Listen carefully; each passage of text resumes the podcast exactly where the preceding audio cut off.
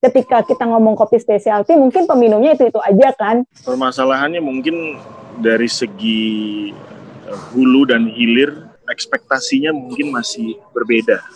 Jadi yeah. sekali seduh kita bersaudara dua kali seduh bicara harga gitu ya.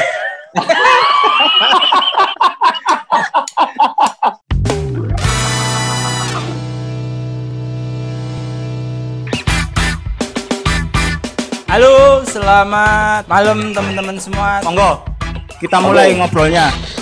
Ada tiga alasan kenapa kita perlu membahas tentang branding. Yang mahal tuh idenya. Kalau gearnya murah tuh nggak masalah sebenarnya. Yang mahal tuh ide. Supaya akhirnya mau tetap survive, artinya dia akan berkarya sebesar-besarnya. Tapi membaca situasi, potensi, membaca momen dan lain-lain. Untuk melakukan itu yakin, ya saya yakin feedback dari rekan-rekan juga pasti akan Sehati sama Mas Dery, saya sehati banget. Pokoknya I love you Mas Dery. I love you tuh Mas, bye. Rumah baru dak, damang. Kok tak rasa mati suri ya Surabaya ya. Gak tahu kreativitasnya mampet atau gimana. Enggak jualan kopi dia. iya mas, gitu itu.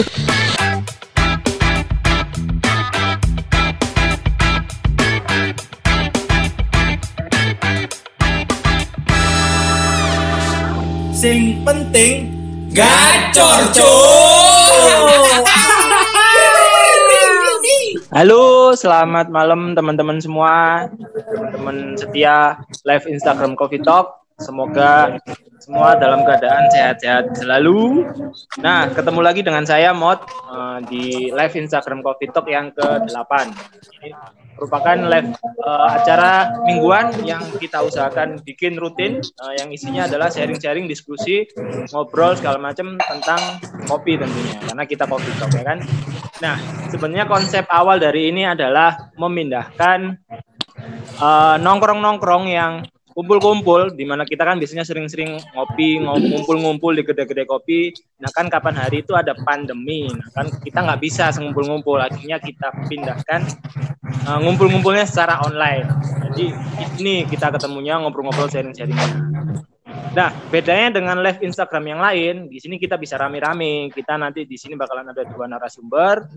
Ada saya dan juga ada moderatornya. Nanti kita bakalan ngobrol tentang apa kabar kopi Indonesia saat ini. Jadi kita nanti diskusi sharing tentang gimana sih uh, kondisi kopi Indonesia saat ini, apa yang bisa kita lakukan untuk uh, meng meng menggeliatkan kembali industri kopi saat ini gitu.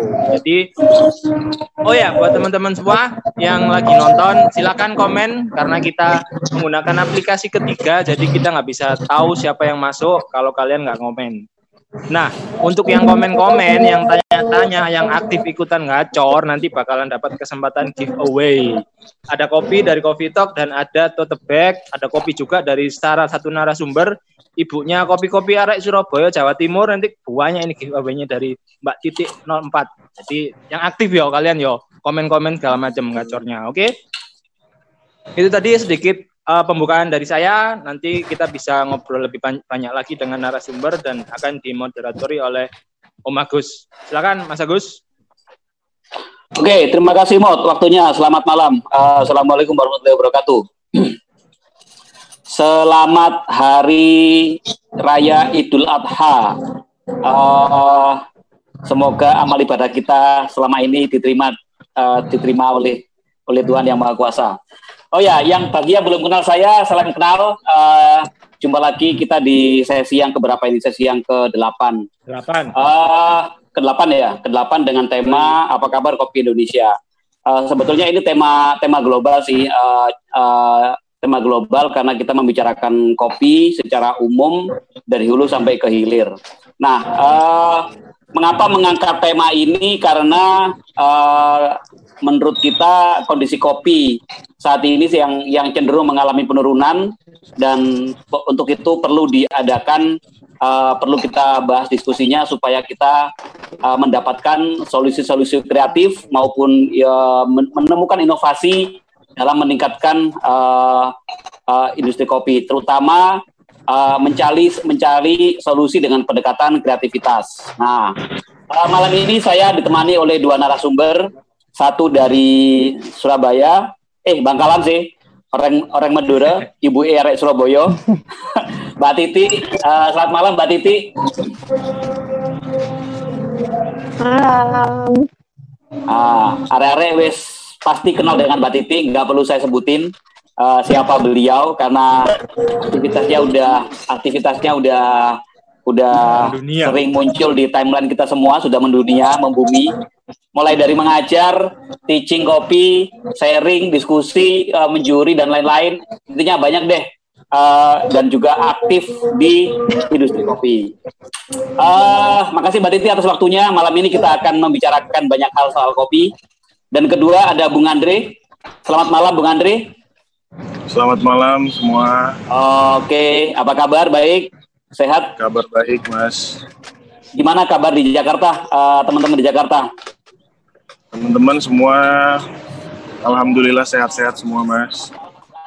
Oke, eh, pandemi ini. sedikit saja saya ulas tentang eh, Bung Andre. Bung Andre ini eh, CEO dari Tuang Coffee dan eh, saat ini fokus di QC, eh, manajer QC di di Tuang Coffee. Eh, saya nggak begitu banyak kenal sama Bung Andre, tapi bolehlah mengikuti mem- membaca perjalanan Tuang Coffee. Sedikit saja akan saya ulas tentang Tuang Coffee. Eh, Tuang Coffee ini sebetulnya eh, berawal dari tahun 2014 kalau nggak salah. Nanti mohon dikoreksi ya Mas. Eh, yang mulai dari berawal dari lima petani, kemudian ber- bergabung dan Tuang Coffee melakukan edukasi sampai akhirnya eh, dari tiga- dari lim- lima petani menjadi 300 kira-kira 300 petani dan kemudian tahun 2018 membuat kafe di Jakarta dan kafe itu sebetulnya salah satu sebagai eh, coffee lab-nya lah bagi petani Manggarai. Nah, kira-kira seperti itu dan eh, terakhir presta- prestasinya itu dari kopi Manggarai yang dipakai oleh Michael Jasin di IBC 2020. Bener ya Mas Andrea? Betul, Mas. Oke oke. Dan kopi-kopi yang dipakai pun juga sudah banyak sekali mulai dari Anomali, Common Ground, Harapan Jaya, hampir semua brand besar itu uh, sudah bekerja sama dengan Tuan Kopi. Uh, bagi bagi saya pribadi ini uh, pencapaian yang yang sangat sangat luar biasa karena uh, dengan kemandirian dan lokal konten yang dengan komitmen lokal konten akhirnya mampu mem- mampu me- masuk di pasar uh, papan atas. Oke, kira-kira tadi sekilas uh, sekilas tentang dua narasumber. Uh, saya ingin ke Mbak Titi dulu. Mbak Titi, bagaimana kondisi kopi industri saat ini? Em, kalau ini sih mulai mulai bangkit sih kalau saya lihat ya. Eh, dua tiga bulan yang lalu kita benar-benar terpuruk. Jadi kopi sudah banyak yang tutup bahkan ada teman saya itu dia menjual semua aset kedai kopinya gitu kan karena pandemi kemarin.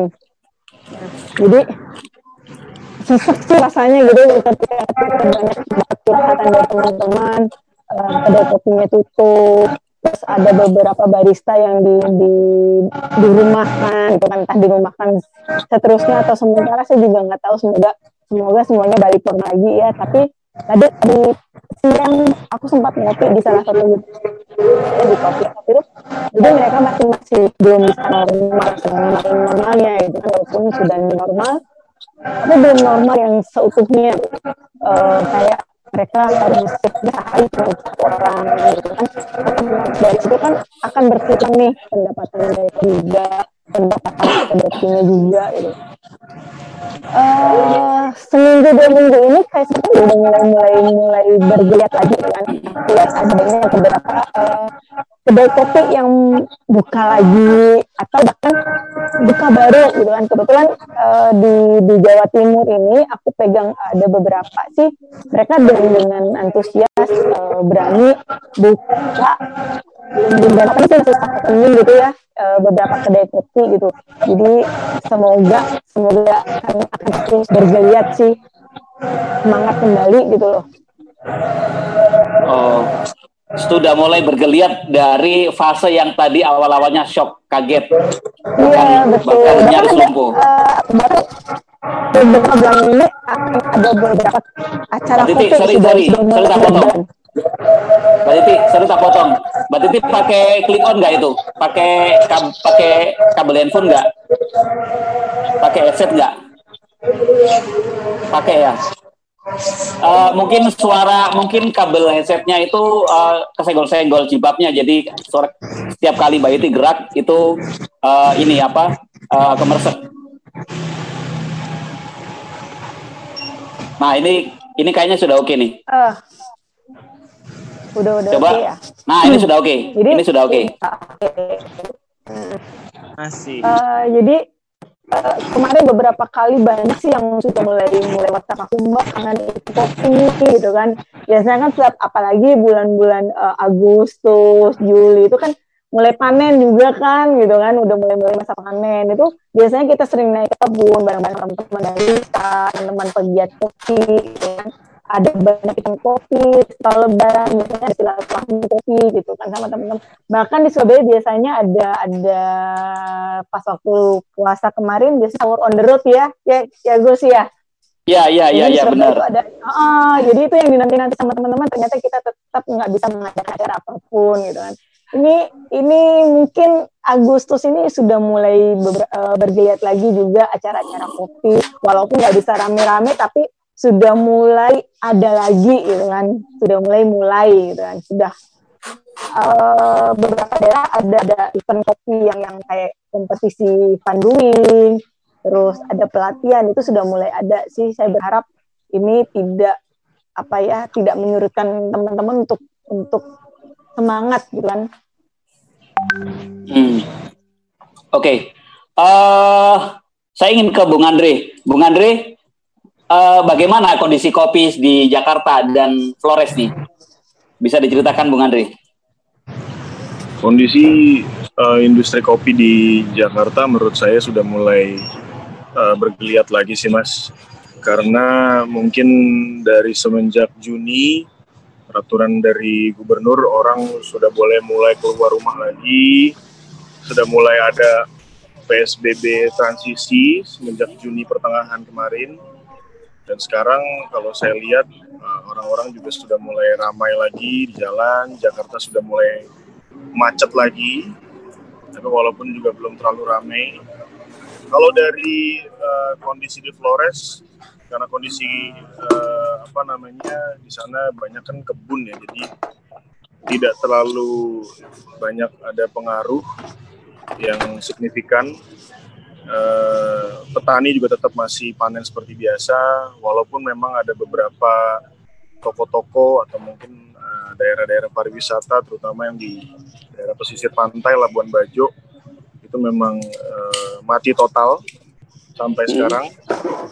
Eh, tapi memang karena kita tidak punya banyak aktivitas di daerah pariwisata, kita areanya banyak di kebun, jadi sekitar 4 sampai 5 jam dari jaraknya dari Labuan Bajo ada satu kota kecil eh, namanya Ruteng.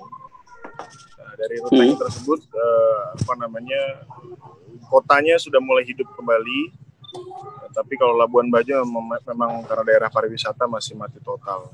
Kopi sih sekarang sudah mulai bisa kita kirim eh, normal lagi eh, karena sempat kemarin ada kendala di logistik. Logistik kemarin sempat eh, tidak ada kapal yang nyebrang dari Labuan Bajo ke Surabaya.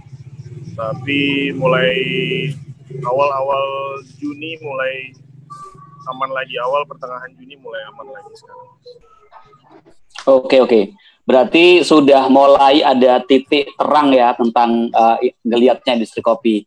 Begitu juga eh, teman-teman di teman-teman yang ikut ikutan nimbrung sudah mulai banyak. Eh, coba saya sapa ada Boponi Salsa, selamat malam, ada Yesus Madi, ada dari Rambu Coffee Roastery, banyak deh ada sekitar 18 sampai 20-an. Eh, ada Serius Kopi, ada FC Clothing, Mega, banyak lah ini. Eh, Oke, selamat malam teman-teman. Eh, nanti teman-teman juga bisa ikutan nimbrung eh, dengan dengan menanyakan langsung ke narasumber. Eh, bisa langsung masukin aja eh, kritik ataupun pertanyaan kalian di di kolom komentar. Oke, eh, saya ingin ngena- eh, membahas dari tuang kopi dulu nih, karena saya eh, tadi saya bilang bahwa eh, pergerakan Tuang Kopi cukup menarik. Jadi, Bung Andre bisa menceritakan sedikit tentang Tuang Kopi dan kenapa uh, kenapa memilih memilih uh, lebih fokus di hulu pada awalnya. Silakan Bung Andre.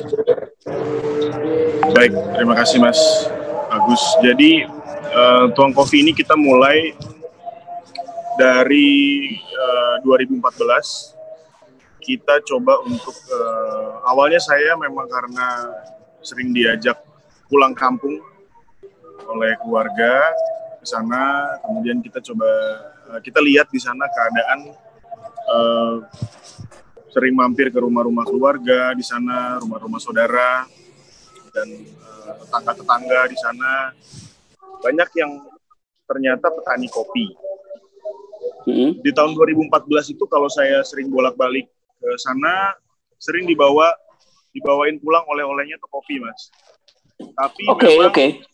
Uh, dulu tuh 2014, 2000 tahun-tahun itu ya, belum belum ada kopi-kopi dari Flores di kafe-kafe. Jadi nama Flores itu dulu belum ada. Nah, itu yang itu yang membuat saya agak sedikit tergelitik di situ kok. Di kampung saya banyak kopi kok tapi di kafe-kafe di hilir nggak ada tuh yang pernah tahu Flores. Flores tuh mana ya? NTT atau NTB oh deket Papua kali ya. Jadi pertanyaan pertama yang lucu itu ya. Yang bikin kita oh mungkin kita harus ada harus harus ada membawa sedikit uh, apa namanya lokal konten gitu ya pada hmm. industri hilir bahwa ada loh kopi di daerah kampung saya namanya Flores daerah Manggarai Oke, kemudian kita waktu itu coba untuk yuk bikin project yuk dengan petani-petani. Walaupun uh, pada saat itu animonya sedikit sekali. Hampir dibilang tidak ada yang mau bergabung karena ya siapalah saya, Mas. Saya uh, anak muda. Dulu dulu untuk untuk masuk ke uh, apa namanya? level petani di mana mereka notabene sudah nanam kopi puluhan tahun dari semenjak kakeknya, kakek moyangnya. Tapi kita coba untuk uh, memberikan edukasi yang tanda kutip dibilang so tahu nih siapa nih anak muda nih.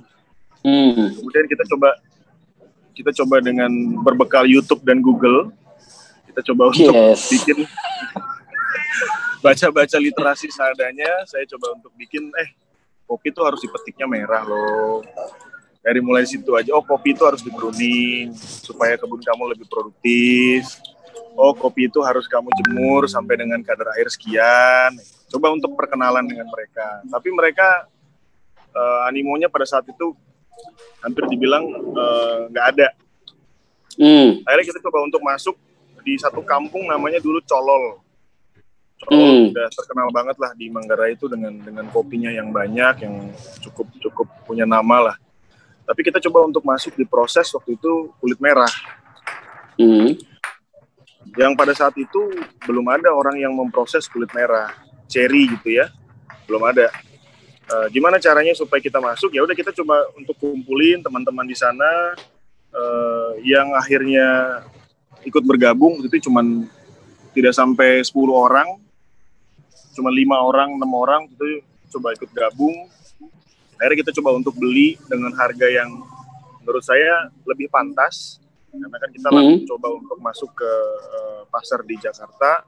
Karena kebetulan saya tinggal di Jakarta ya udah akhirnya mereka coba untuk uh, mau untuk gabung kita bikin kelompok tani di situ dengan berbekal lima orang ya udah nggak apa-apa lima orang kita bukan cari kuantitas kok kita carinya uh, kualitas pada saat itu ya udah uh, lima orang tersebut gabung Kemudian dari sisi uh, proses lebih sulit karena ke ciri merah. Okay. Biasanya mereka kan merah kuning hijau tarik semua. Oh, nah, tapi sekarang coba, tapi sekarang udah udah mulai kualitas sudah mulai bagus ya. Sekarang kualitas sudah jauh lebih bagus, Mas. Dan Oke. Okay. Uh, kemudian pada saat itu uh, dengan lima orang tersebut dilihat oleh saudara-saudaranya, tetangga-tetangganya, kok kebun kamu lebih kecil tapi hasilnya lebih banyak secara uang. Oh ya jelas karena kita uh, produksi dengan standar tertentu dan harganya harga Jakarta. Harganya harga kota Oke oke. Oke oke, di stop dulu Mas Andre. Uh, nanti Iya. uh, kita kita nanti akan ketemu di di pertanyaan yang yang uh, selanjutnya. Uh, Saya ke, ini kembali ke topik yang sekarang bahwa uh, sekarang ini tadi di, di, dibilang bahwa adanya COVID ini semua mengalami penurunan, terutama di kopi dan uh, pertanyaannya apakah uh, pe- perubahan ini karena memang adanya pandemi atau memang ada faktor lain selain pandemi? Uh, saya ingin ke Mbak Titi nih. gimana gimana apakah karena pandemik atau ada faktor lain faktor Atau lain sebelum pandemi ini memang sudah ada tren penurunan? Tren penurunan yang mestinya ya. Jadi kalau misalnya dulu kita berlomba-lomba mencari kopi terbaik gitu kan eh, semua berlomba-lomba untuk eh, memberikan kopi yang paling enak gitu kan yang yang terbaik dengan proses terbaik dengan kopi yang diseduh dengan terbaik gitu kan. Tapi penurunan gaya, bukan penurunan sih sebenarnya tapi gaya ngopinya aja mungkin yang berbeda ya dengan adanya susu yang lagi tren itu kan. Jadi kalau saya sempat beberapa petani di Jawa Timur itu jadi mereka lebih banyak permintaan kopi robusta yang low grade atau arabica yang low grade gitu kan. Nah, Hmm. eh, karena memang kebutuhan untuk untuk kopi susu gitu kan karena mungkin kalau saya pakai kopi yang paling yang bagus gitu kan yang diproses dengan baik harganya kan tinggi. Jadi mungkin nggak masuk Ya. APP ketika eh, di di kedai-kedai kopi gitu ya yang lainnya main es kopi susuan gitu. Jadi rata-rata memang di Jawa Timur daerah Ijen itu ketika kita eh, tim saya berbincang sama sama para petani itu mereka bilangnya sekarang paling banyak permintaan robusta mbak gitu kan atau yang harganya yang harga low grade gitu. Nah akhirnya petani yang dulu eh, dulu disemangatin untuk memproduksi kopi dengan baik eh, budidaya kebunnya juga bagus terus petiknya yang yang yang kata Mas Andri tadi petik merah yang gitu ya. Nah ketika banyak permintaan yang yang yang beda gitu kan eh, balik lagi ke zaman dulu akhirnya ini yang mengalami perubahan sih Oh, berarti eh, kalau dari Mbak Titi bukan bukan penurunan eh, dari segi pembelian, tapi terjadi perubahan tren dan perilaku terhadap produk itu sendiri, gitu ya? Karena emang eh, itu nggak bisa dihindari. Kalau di kalau menurut Bung Andri di Jakarta gimana? Eh, apa namanya eh, prosesnya? Apakah memang sebelum ada pandemi ini sudah sudah ada penurunan atau perubahan trennya? Gimana Bung Andri? Kalau menurut saya sebelum pandemi memang eh, dari segi tren ya mas ya tren Ya. menurut saya nggak nggak terlalu jauh beda di Jakarta sekarang banyak sekali tren untuk lebih ke kopi susu gula aren mas Oke. jadi memang se- secara eh, apa namanya kebutuhan pasti lebih ke robusta atau yang mungkin grade-grade komersil Eh, tapi eh, dari segi eh, apa namanya kopi-kopi yang specialty atau yang kualitas premium itu memang tetap ada pasarnya sendiri Hmm. dan pandemi ini memang eh, sempat ada penurunan eh, apa namanya demand ya penurunan demand tapi trennya mungkin tidak banyak berubah Oke, berarti hampir sama, hampir sama sih. Tapi kalau boleh saya simpulkan, eh, dengan maraknya kopi susu ini kan memang memang eh, ini membuka peluang pasar baru kan bagi industri kopi kita. Dan kalau dilihat dari dari segi cuannya kan memang cuannya lebih tinggi, bener nggak? Sepakat nggak? sebenarnya nggak juga Enggak juga, enggak juga. Tapi kan dari develop kopinya bisa eh, bisa nggak nggak seribet eh, yang kelas premium kan atau specialty gitu. Sepakat nggak Iya, kira-kira? iya. Tapi maraknya kedai kopi, eh bentar, bentar. Tapi maraknya kedai kopi itu muncul karena eh eh, specialty kemarin kan gitu. Jadi ya sebenarnya apa ya? Harusnya sih saling-saling saling ini ya, saling menopang gitu. Sebenarnya kopi susu itu menarik buat saya. Ketika kita ngomong kopi specialty, mungkin peminumnya itu itu aja kan. Kita susah Iya. menarik menarik. Tapi ketika kita ngomong es kopi susu, jangankan eh, kaum laki-laki yang biasanya ngopi ya biasanya perempuan yang susah untuk diajak ngopi gitu kan diajak ngopi malah pesannya es teh leciti green tea gitu kan tapi ketika es kopi susu mereka mau minum kopi gitu kan satu yang kedua anak-anak pun juga berani minum kopi susu emak-emak siapa pun itu itu semuanya udah mereka melirik yang namanya kopi susu. Nah, tinggal sebenarnya kita sih eh, para pegiat kopi yang yang yang ini menarik mereka gitu kan. Seharusnya kan Hmm. gini, orang minum kopi susu itu hampir sama halnya kayak gini. Orang mau datang ke rumah kita gitu kan. Mereka udah ada di gerbang nih gitu kan. Udah ketok-ketok pintu gitu kan katakan. Mereka udah, udah berani kopi gitu kan. Nah, tinggal kitanya mau ngajak mereka masuk ke dalam rumah kita, mengenalkan specialty kopi, atau biarkan mereka di depan pintu gerbang gitu kan. Oke oke ya berarti kan eh, eh, tadi yang saya maksud bahwa eh, mem- meluasnya pasar kopi itu eh, membuka peluang cuan sebesar besarnya ya kan Harusnya seperti itu. Harusnya seperti tapi itu. tapi kondisinya kan Tapi- berbeda eh, Tapi merusak kualitas kopinya kembali lagi lah. Kalau misalnya kopi susu mintanya grade-nya yang kecil, terus kita kita yang sebenarnya udah susah-susah bergerak ke grade yang bagus bakalan nggak bisa berkembang dong. Dilemanya di situ. Oh, berarti ada permasalahan nih Iya, Berarti ada- makanya ada adalah permasalahan kita. Betul, makanya adalah sebenarnya kita ini yang yang yang peduli sama kopi, pegiat kopi lah katakan adalah bagaimana eh, apakah membiarkan mereka tetap di pintu gerbang rumah kita atau mengajak mereka masuk ke rumah kita, mengenal lebih jauh tentang kopi. Gitu. Oke. Ah, permasalahan kira-kira begini. eh, kira-kira ada permasalahan apa saja yang ada di industri kopi saat ini? Kalau menurut Bung Andre gimana, Bung? permasalahannya mungkin dari segi eh, hulu dan hilir mungkin ekspektasinya mungkin masih berbeda. Hulu ini Ekspektasi, maunya oke. hulunya ini menurut saya eh, mereka ini maunya sudah mulai berubah dari eh, apa namanya kopi komersil menjadi kopi eh, specialty. Tetapi dari segi hilir, hilir kebutuhannya banyak sekali untuk di kopi-kopi eh, komersil. Sehingga eh, dari sisi ekspektasi mungkin belum klop. Sehingga ekspektasi yang berbeda tersebut ada ketidakcocokan ekspektasi harga. Oke. Nah, maunya maunya yang hulu ini harganya sudah mulai tinggi walaupun mereka jual kopi komersil grade-grade 2, grade 3, robusta Hmm. sudah mau tinggi. Karena mereka ya mereka sudah diubah mindsetnya untuk kopi itu harus petik merah, harus diproses dengan bagus. Tapi kok di hilir maunya grade-nya makin lama kebutuhannya makin rendah karena ada si kopi susu. Nah, sehingga Hmm. tantangannya saya dan mungkin teman-teman yang ada di tengah itu gimana caranya supaya kita bisa memproses kopi enak tapi murah. Oke.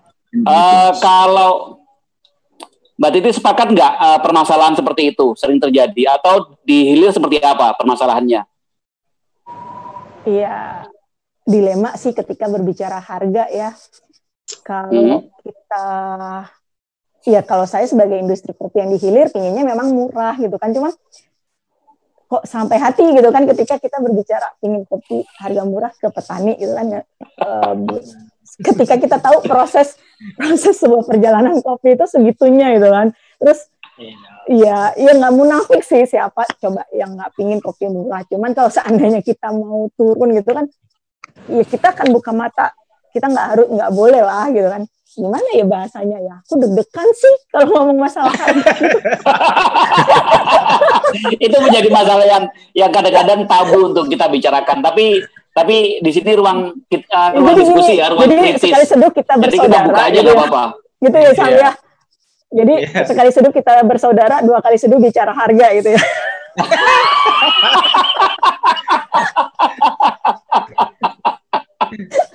ya ya ya ya kita paham lah kita paham gelisah hatinya teman-teman semuanya dan kita juga paham bagaimana eh, bagaimana kesulitannya Bung Andri pada saat menjelaskan eh, ini di ke hulu Tani, Eh, karena saya, eh, ke, saya, saya sendiri juga sering ketemu dengan petani jadi itu hal yang memang menjadi yang harus kita pecahkan bersama oh ya ini ada pertanyaan-pertanyaan sudah mulai ada nih Ini dari Andre Laten. Selamat malam Bung Andre Laten.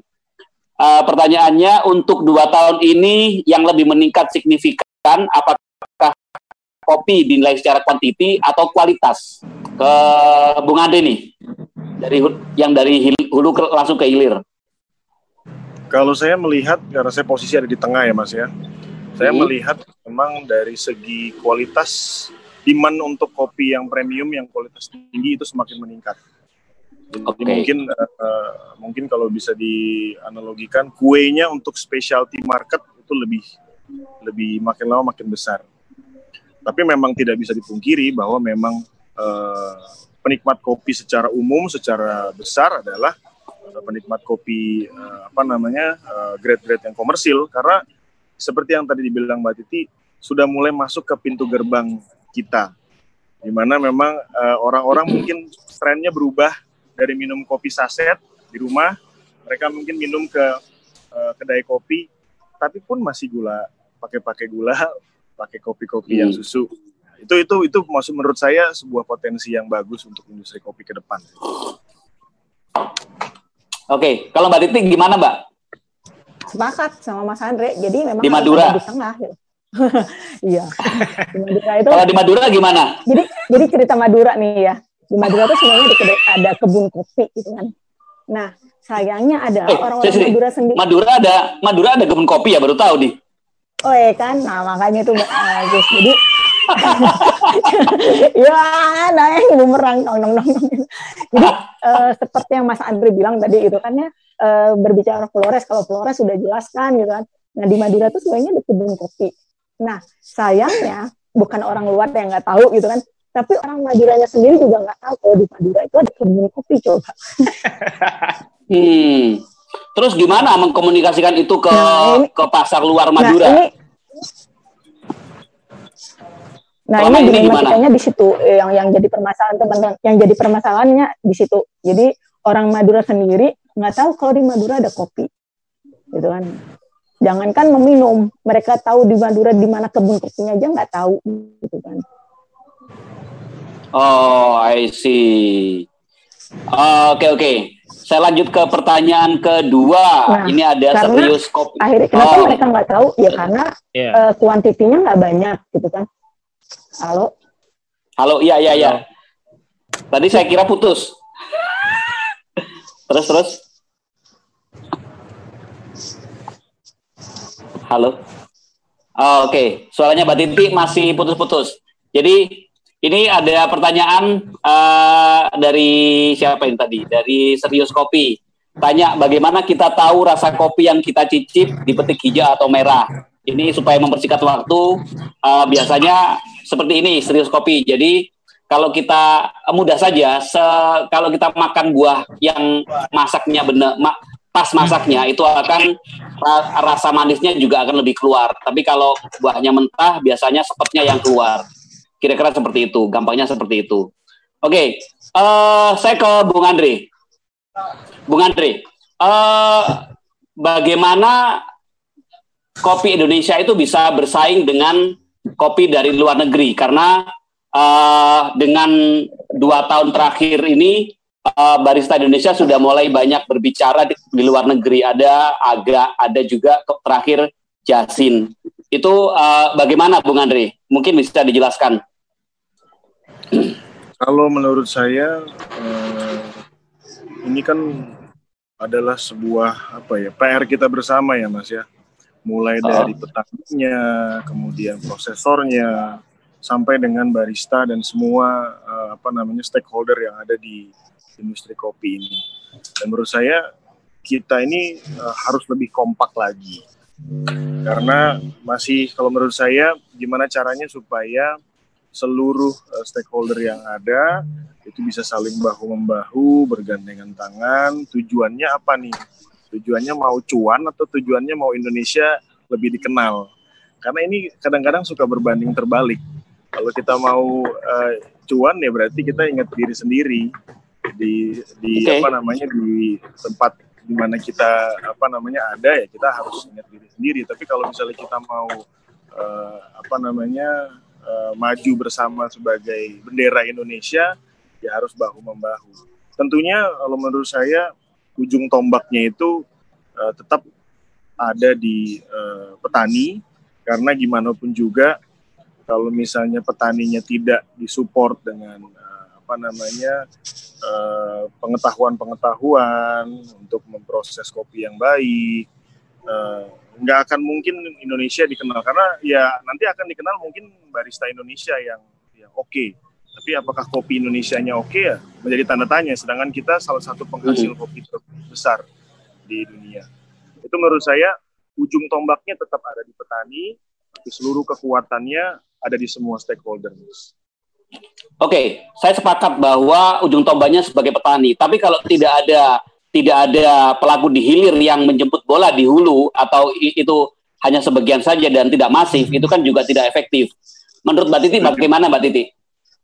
Uh, berbicara ujung tombak sih sebenarnya semuanya ada di ujung tombak ya saling saling saling uh, menguatkan ya sekarang kalau misalnya pros, uh, petaninya memproses dengan baik tapi prosesornya nggak baik kan ya akhirnya nggak bagus juga gitu kan terus uh, budidaya di kebunnya bagus prosesor bagus tapi uh, mungkin ya kalau misalnya kita mengeluarkan ini ya kopinya kan otomatis si roster juga nggak bisa ini ya juga nggak bagus. Terus misalnya sudah diproses dengan baik terus di di roasting dengan bagus tapi pengetahuan brewer kita kurang juga juga nggak akan bagus nih kopi kan gitu. Akhirnya hmm. semuanya nah semuanya saling saling support sih harus sama-sama bagus sih. Jadi nggak saling support. aja. ah saling support. Ini bahasa yang klasik sih sebetulnya tapi uh, ya. tetaplah. Tapi tetap. Saling mendukung satu sama iya iya iya. Nah apalagi Ini dengan kondisi kondisi saat ini mbak Titi. Kondisi saat ini ini membuat uh, semua pelaku mungkin hampir tiarap ya hampir tiarap.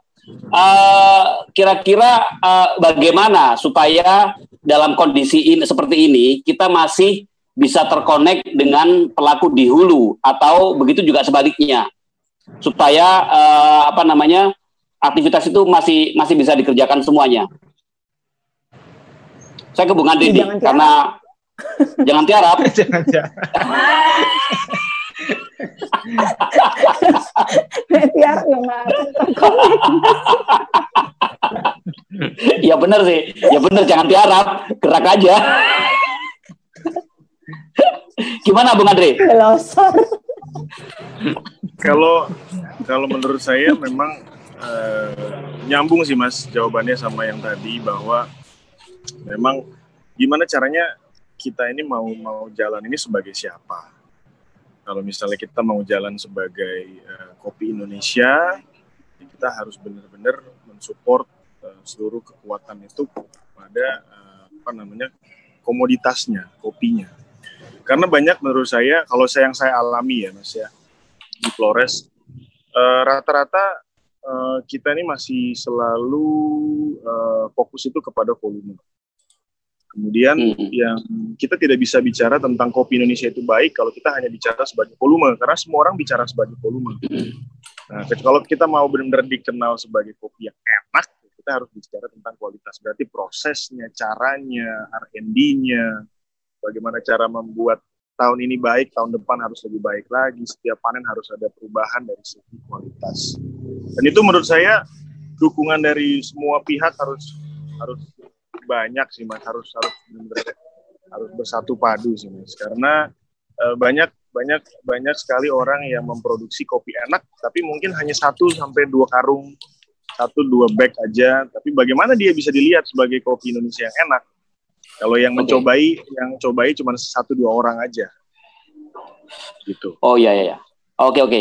Ini ada pertanyaan okay. menarik nih dari Mega 25. Eh uh, ah, iki rada tabu iki, tapi gak apa-apa. Kak, kalau pendapat kalian lebih memilih cuan atau lebih memilih mengenalkan kopi Indonesia ke internasional?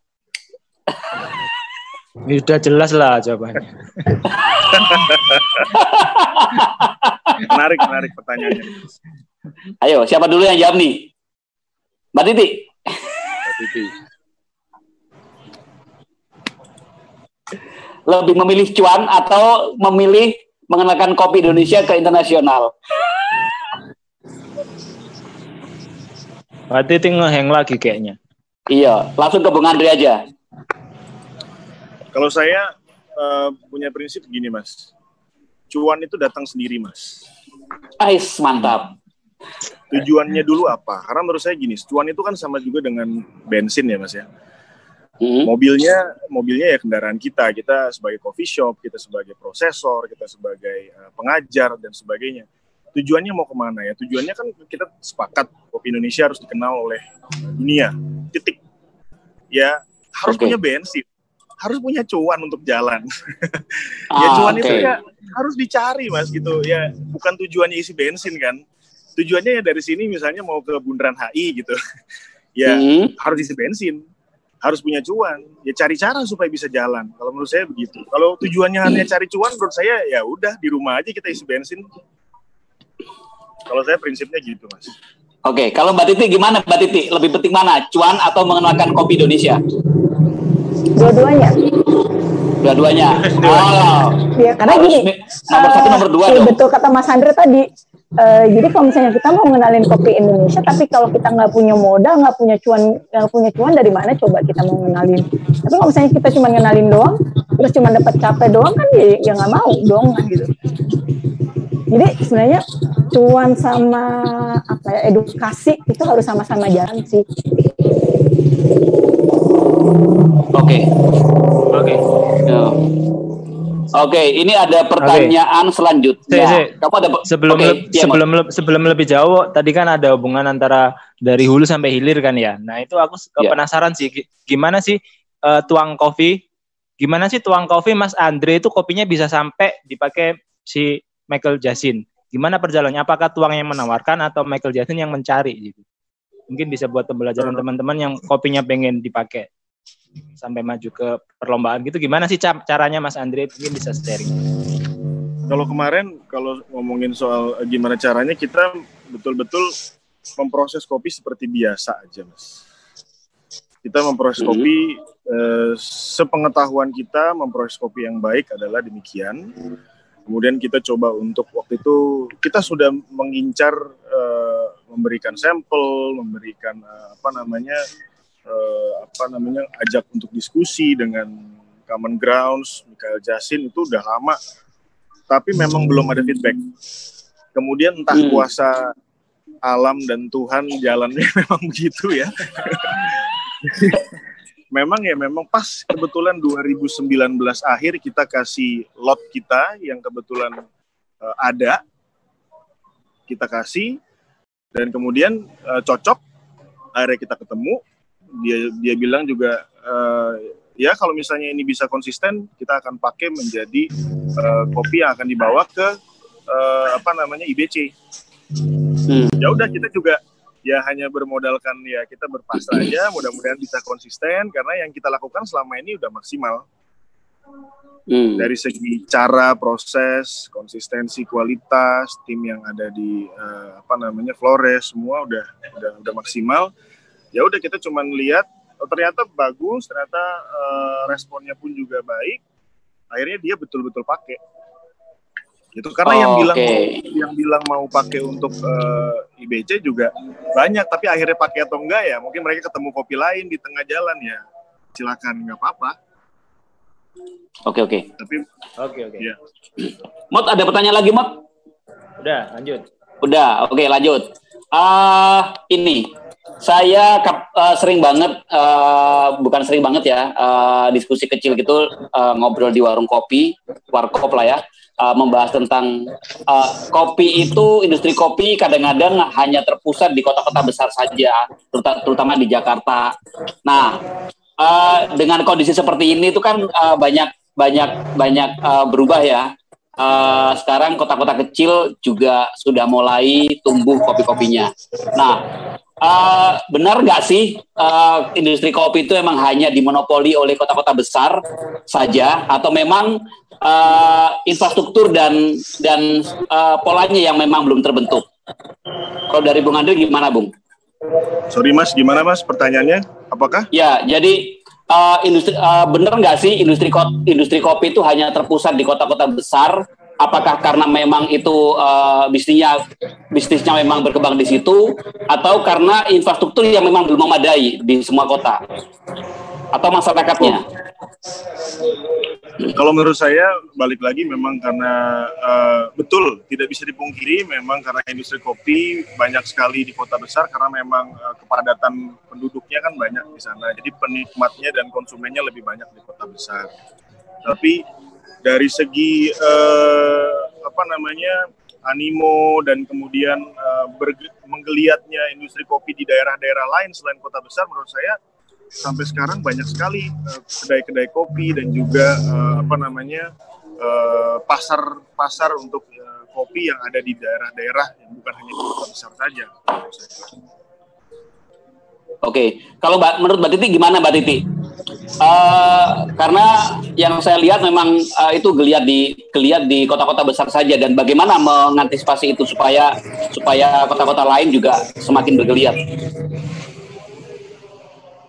mungkin katanya memang di kota besar sih ya. Jadi kalau 2013, 2015 di daerah Jawa Timur, di, di daerah perkotaan, di, di daerah di kabupaten itu ketika saya mencari untuk uh, kopi gitu ya di kopi shop itu susah kita nyarinya bahkan di, di Jawa Timur aja di Surabaya aja lah katakan ya 2013 bisa dihitung dengan jari kan mas yang namanya kopi shop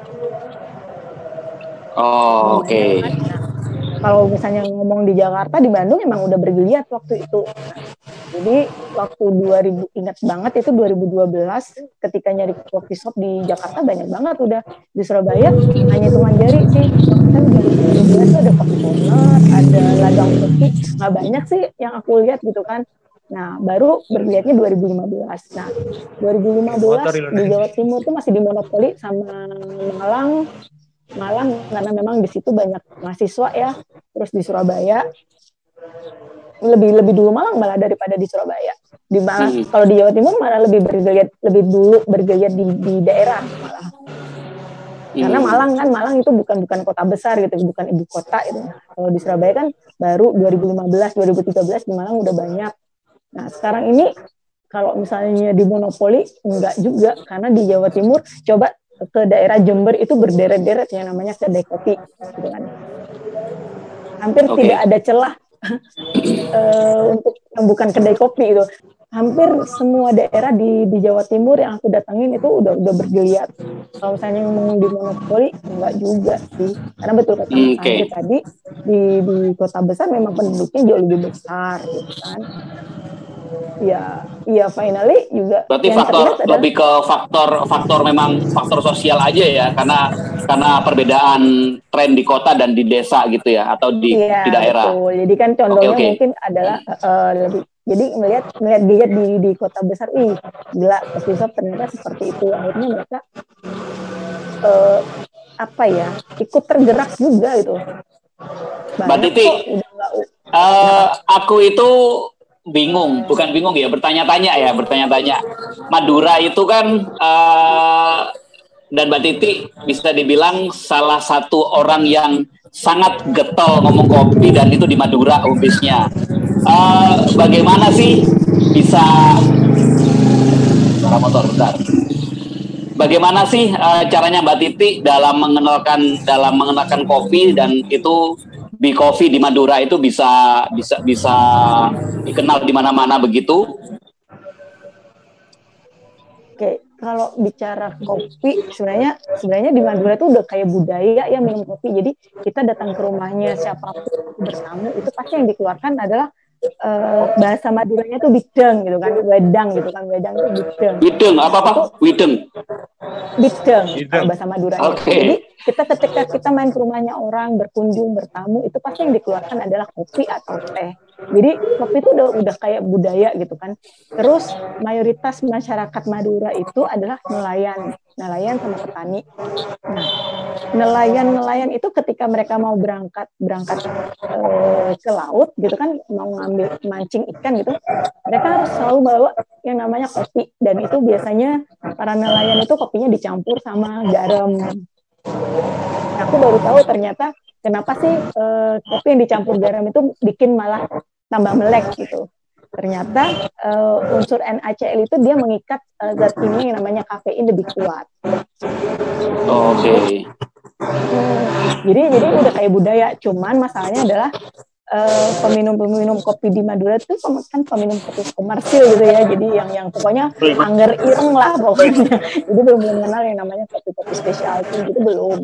Jadi 2014 itu ceritanya aku baru balik ke Madura sih waktu itu 2013. Nah, karena udah biasa ngopi gitu ya. Jadi di Bangkalan cari tempat kopi kok nggak ada gitu kan susah gitu.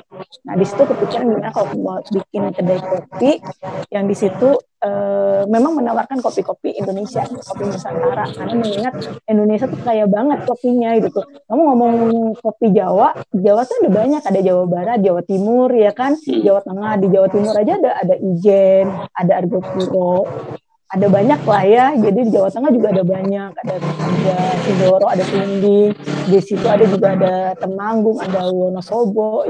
Oh, lu ngomong kopi Indonesia, kopi Indonesia yang mana dulu? Nah, tujuannya ada di situ adalah ngenalin kopi Indonesia juga sih. 2015 belum ada kedai kopi waktu itu saya sendirian waktu itu di Bangkalan. Nah, ya sampai ke sini di Bang di Madura sendiri udah ratusan sih, alhamdulillah. Jadi kalau misalnya kopi tadi yang di, disampaikan kopi di monopoli di kota besar, kalau sekarang enggak, gitu. saya nggak setuju. Sekarang sekarang sudah enggak ya, sekarang sudah merata ya. Sudah sudah mengindonesia itu kan. Mengindonesia.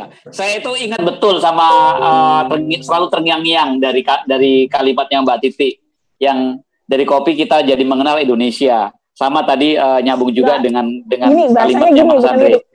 Uh, mari kita cinta Indonesia lewat secangkir kopi. ya, wes ngono lah. Tapi dari kopi kita mengenal Indonesia gitu kan. Ah, saya ingin ke iya, Bung Andre nih. Saya ingin ke Bung Andre. uh, ini dari Adika Wiyoso. Kalau tuang kopi sendiri, jadi fokusnya lebih ke kopi komersil atau kopi specialty dengan adanya perbedaan demand dan hulu. Uh, demand di hulu dan di hilir tadi. Kalau dari Tuang Kopi sendiri, kita uh, ada di dua, Mas. Kita untuk tujuannya untuk memperkenalkan kopi Flores, kita harus bisa mencoba untuk uh, memproduksi kopi specialty dengan baik, supaya bendera Floresnya mungkin masih bisa orang makin lebih kenal gitu ya. Tapi untuk untuk bensinnya kita harus main di kopi komersil, Mas. Oke. Okay. Oh ya, ini waktu kita tinggal waktu kita tinggal 13 menit. Masih banyak pertanyaan-pertanyaan dari teman-teman yang belum saya tanyakan. Gimana? Mau lanjut apa stop?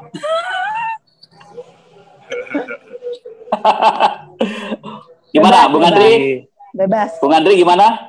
Apakah Bebas ada waktu?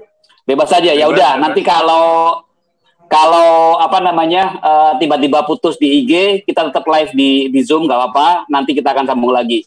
Saya lanjut ke ini. Ada pertanyaan dari Mas Yuyut ke Tuang Kopi. Selama ini kesulitannya apa saat visit ke petani di desa-desa atau kebun untuk ngecek kualitas ceri kopinya? Bagaimana, Bung Andre?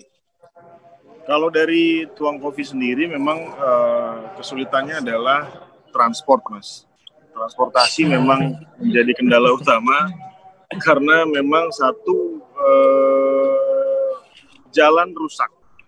Jadi okay. itu memang salah satu menjadi problem utama. Sedangkan memang eh, kita punya area processing itu ada eh, cukup jauh dari area kebun, sehingga memang kita hmm. harus mencari cara untuk mensiasati masalah itu. Jadi kadang-kadang di daerah yang sama kita harus dua sampai tiga kali bolak-balik. Karena mobil kita juga uh, yang menjemput juga eh, nggak uh, terlalu besar.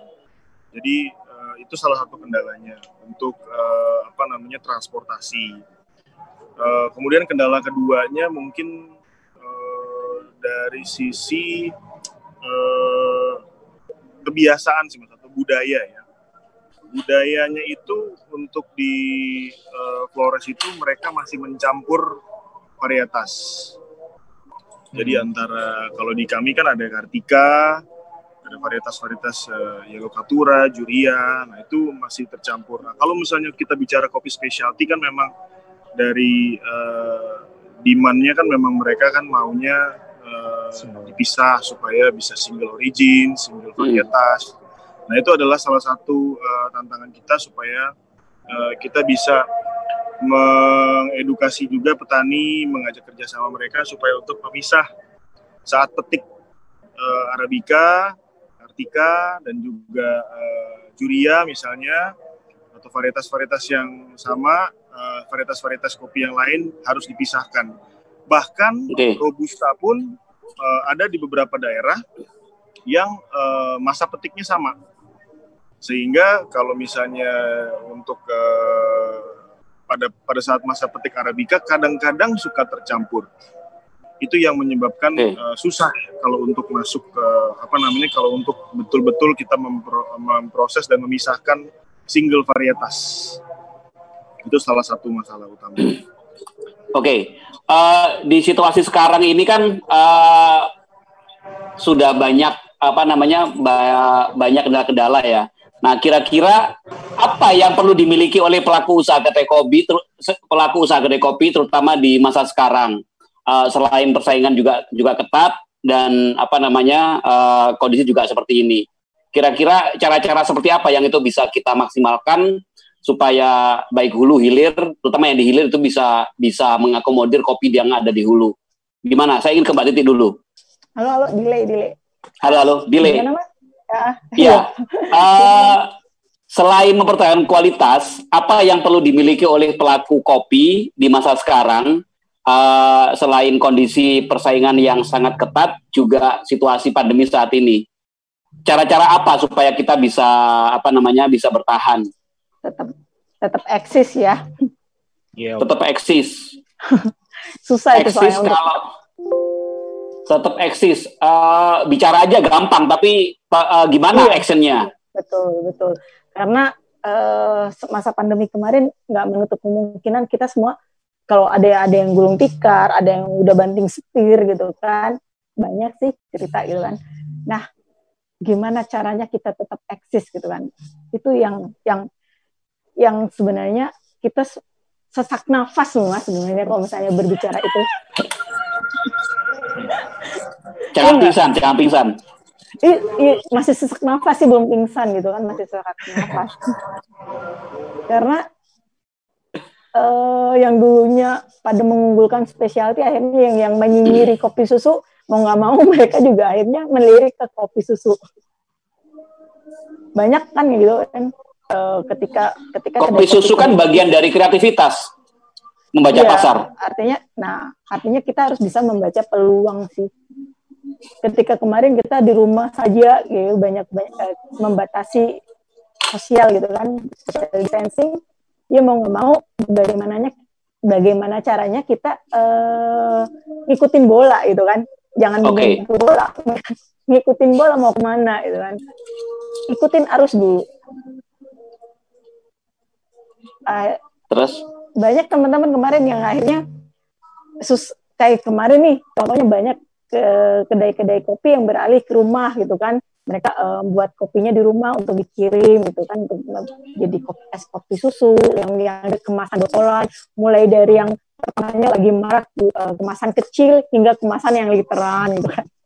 Hmm. Eh, kalau ngebayangin siapa coba yang minum kopi literan? Coba kalau nggak rame-rame sementara mau rame-rame juga nggak bisa.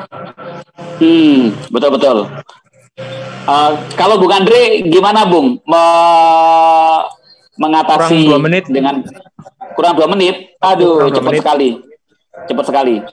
Boleh, Kita Bung Andre. Dulu ya? Uh, dulu atau gimana? Break, break dulu nanti daripada kepotongan. Oh ya udah, oke okay, oke. Okay. Ya.